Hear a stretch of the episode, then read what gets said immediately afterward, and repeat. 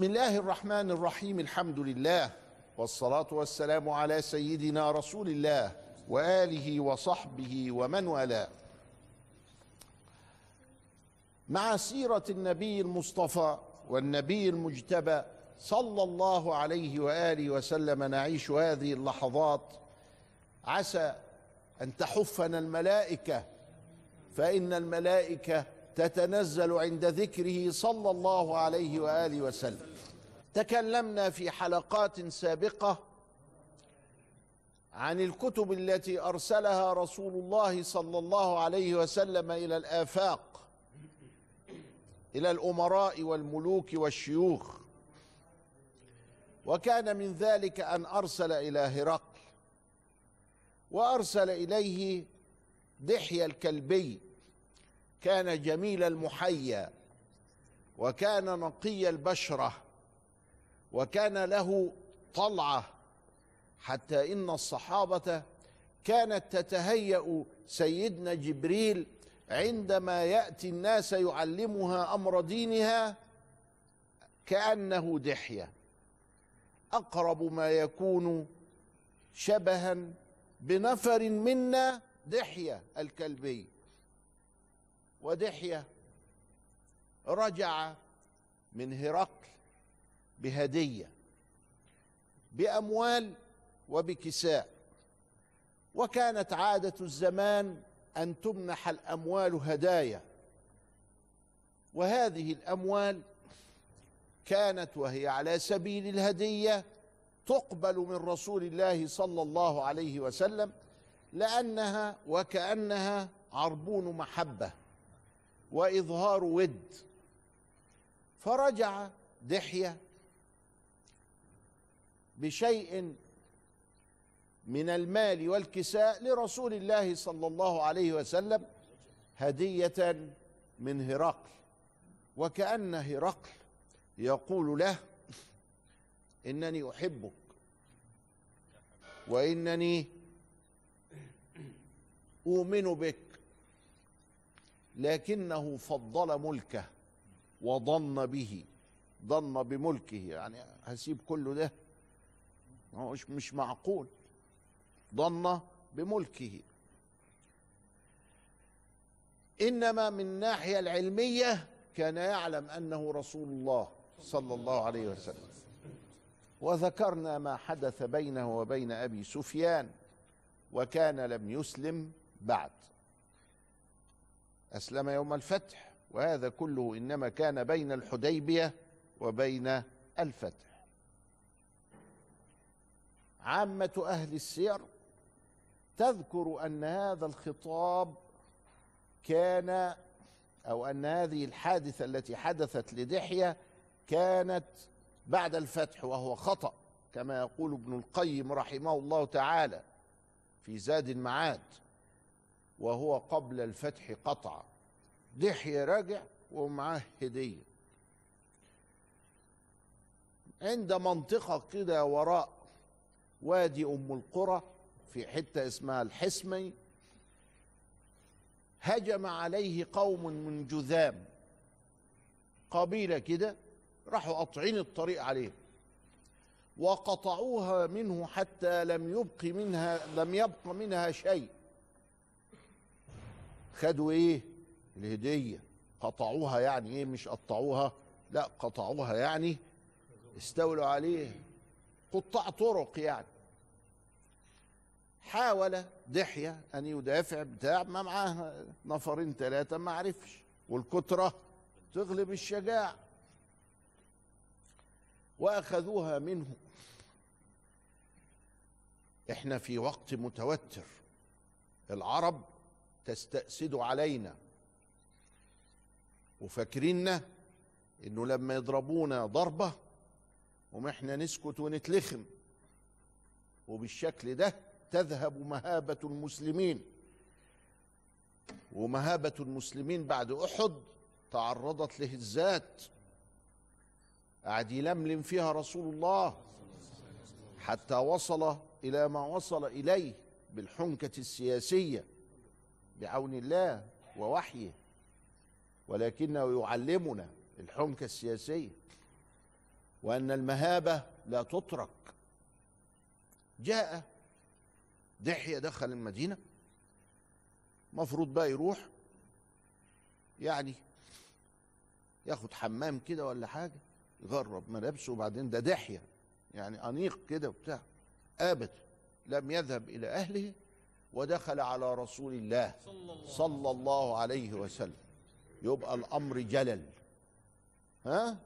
يبقى هو فاهم إن ده أمر خطير. شوية فلوس يعني راحت وشوية ثياب وحاجات وهدايا؟ لا ده استئساد العرب على المسلمين أو استئساد أي جهة على الدولة. أي جهة. لازم تتضرب زغروطه على قفاها كده فراح لسيدنا دخل عليه يخبره أن جذام فعلت وفعلت. ناديلي زيد بن حارثة راح ناداله زيد ابن حارثة فأرسله في خمسمائة رجل خمسمائة فارس. إيه ده؟ يعني أكتر من أهل بدر. أنت واخد بالك؟ بدر كانت 312 إيه ده؟ ده, ده مهم قوي بقى.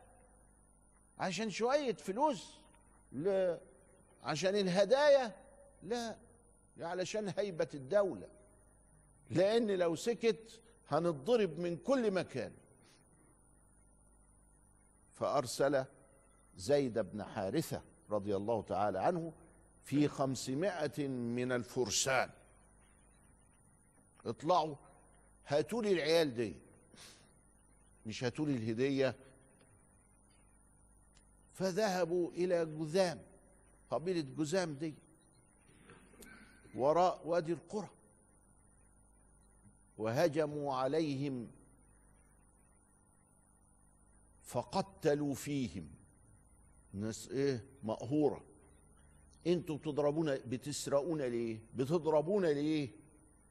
ناس مقهورة. ضربوهم.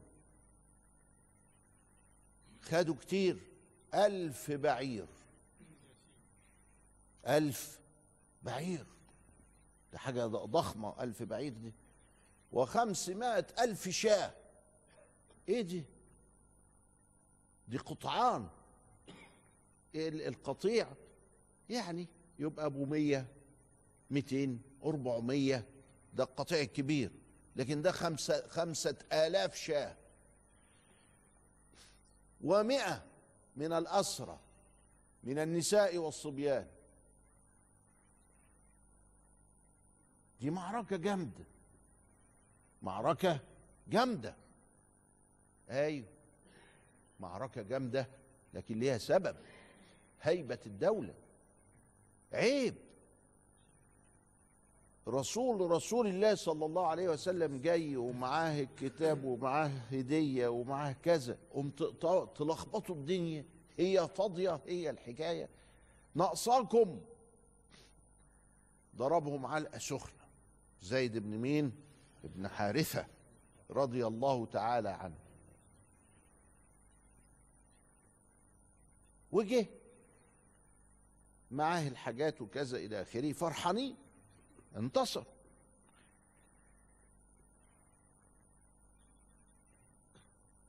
واحد من جزامة شوف الكلام بقى وشوف المبادئ والمصالح وشوف النفسية النبوية العالية وشوفوا شوفوا شوفوا شوف بقى.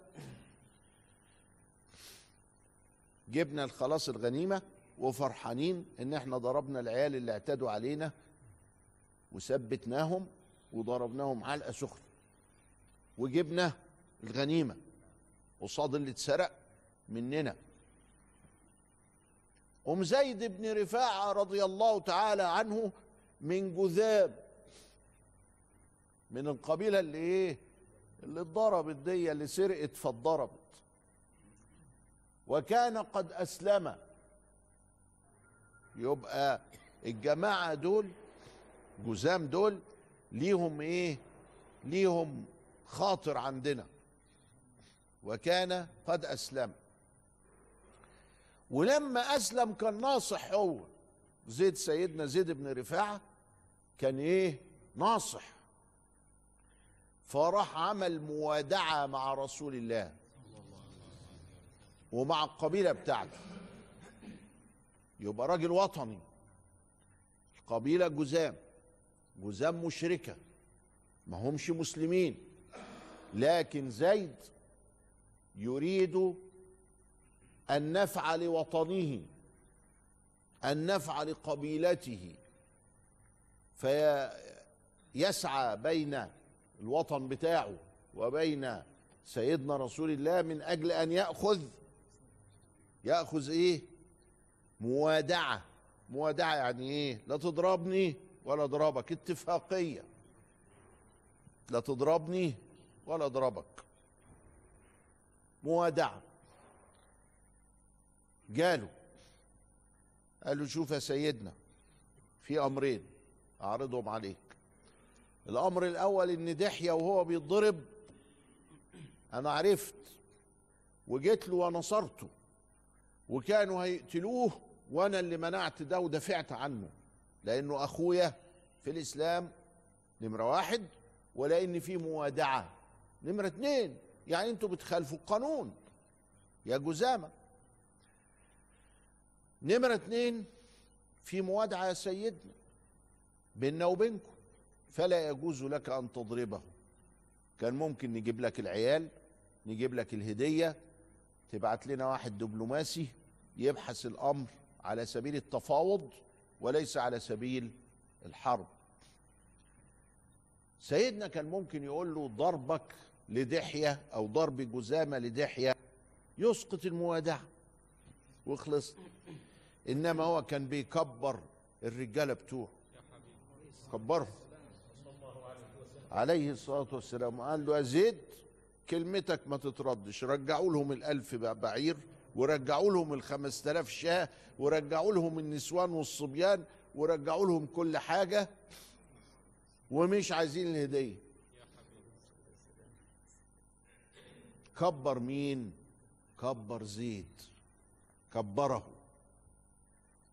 لأن زيد لما يرجع لقومه وهو ده سبب انتشار الإسلام يقول لهم أنتوا غلطتوا وخالفتوا وكنتوا هتضيعونا وضيعتونا فعلا.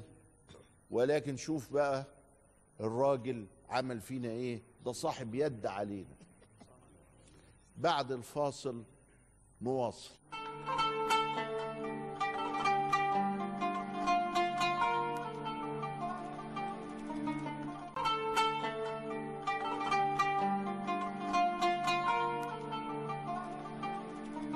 بسم الله الرحمن الرحيم الحمد لله والصلاة والسلام على سيدنا رسول الله وآله وصحبه ومن والاه. زيد ابن رفاعة أسلم هو ورجال من جذامة. الجذامي هو وهو والرجالة بتوعه جم لسيدنا صلى الله عليه وسلم يذكرونه بالموادعة. من الناحية القانونية هم ما لهمش موادعه ولا حاجة.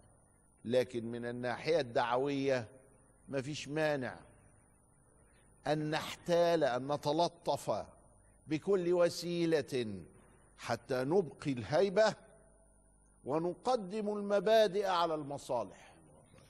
ونقدم المبادئ على المصالح. إذا أمكن نعمل المبادئ والمصالح مع بعض رب لك الحمد. يبقى حافظت على مبدئي وفي نفس الوقت حصلت المصلحة. لكن لو تعارض أقدم المبادئ. هناك بقى بيقدموا المصالح على المبادئ. أدي الحدوتة كلها. إحنا بنحاول نجمع بينهم.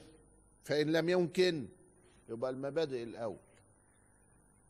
هم برضو بيحاولوا يجمعوا بينهم فإن لم يمكن يبقى المصالح الأول. وملعون أبو المبادئ ويسيب المبادئ بتاعته ويبيع أبوه في سبيل قرش ساغ عشان المصلحة. آدي اللي إحنا عايشين فيه في عالم اليوم. تقديم المصالح على المبادئ عند اختلافهما عند عدم الإمكان من الجمع بينهم. فإذا رد رسول الله صلى الله عليه وسلم كل الغنائم وعلى من شأن زيد بن رفاعة الجذامي رضي الله تعالى عنه والعلقة اللي خدوها في من خلال القوانين يعني اهي برضو عطت هيبة للدولة. وهيبة للمسلمين إن إحنا ما بنسيبش حقنا. هو ده بقى الفرق ما بين المسلمين وبين كتير من مذاهب أهل الأرض. ما بنسيبش حقنا بس لازم يكون حقنا.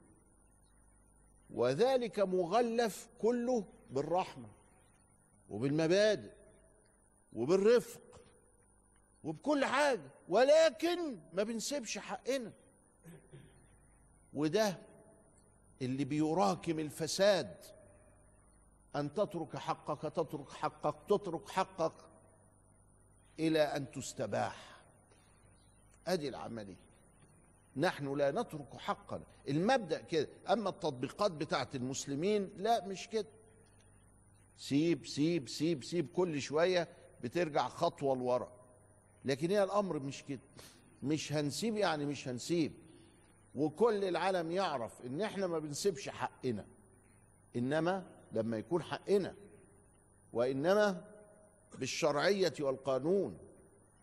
طلب العفو للموادعه فأعطاه رسول الله صلى الله عليه وسلم العفو من أجل الموادعة. هناك بقى في البحرين واحد كان اسمه المنذر بن ساوي. المنذر ابن ساوي ملك البحرين. البحرين يعني هي البحرين بتاعت دلوقتي كده ومعاها جزء كبير كانت كبيرة شوية. واخد بالك؟ يقولوا عليها هجر. هجر. كانوا يقولوا عليها كده. ويبدو إنه منها من الحتة الكبيرة مش البحرين اللي هي دلوقتي عاصمتها المنامة لا كانت كبيرة شوية كده وكان يملكها المنذر بن ساوي ومنها أبو هريرة راوية الإسلام من الحتة دي. ناس يظهر من هجر كتير جم يعني إيه؟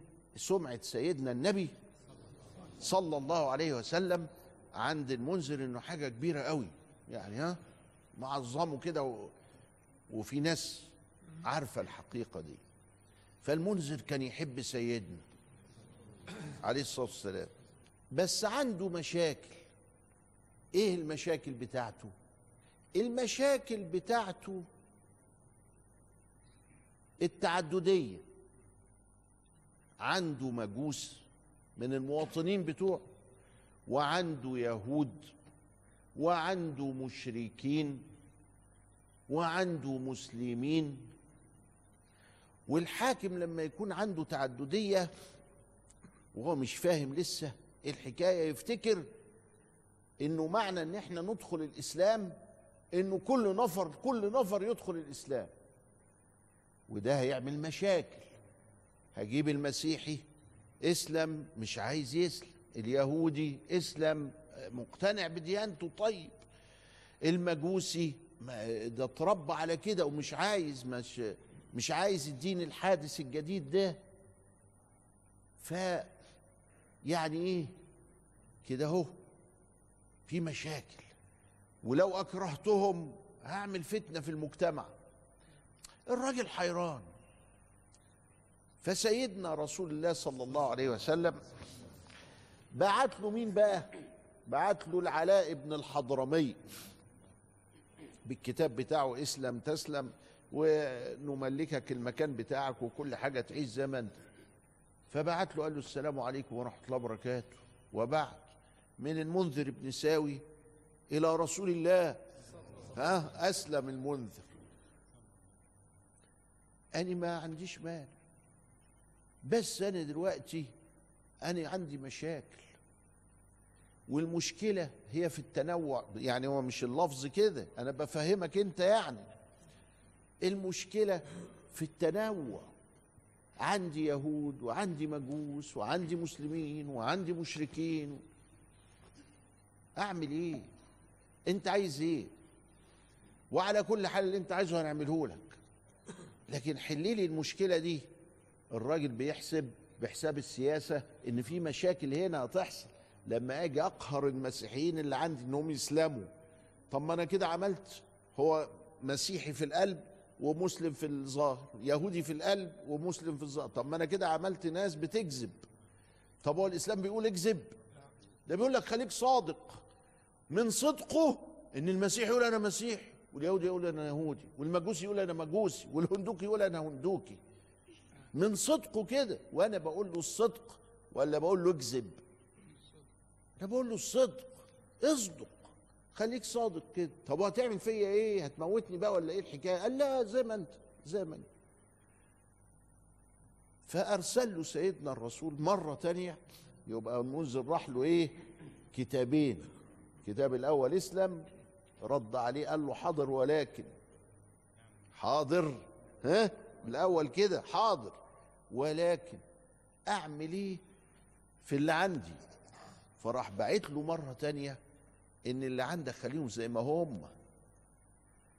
اليهودي يهودي والمجوسي مجوسي. ومن هنا أخذ العلماء من من الخطاب ده إن إنه سنوا بهم سنة أهل الكتاب.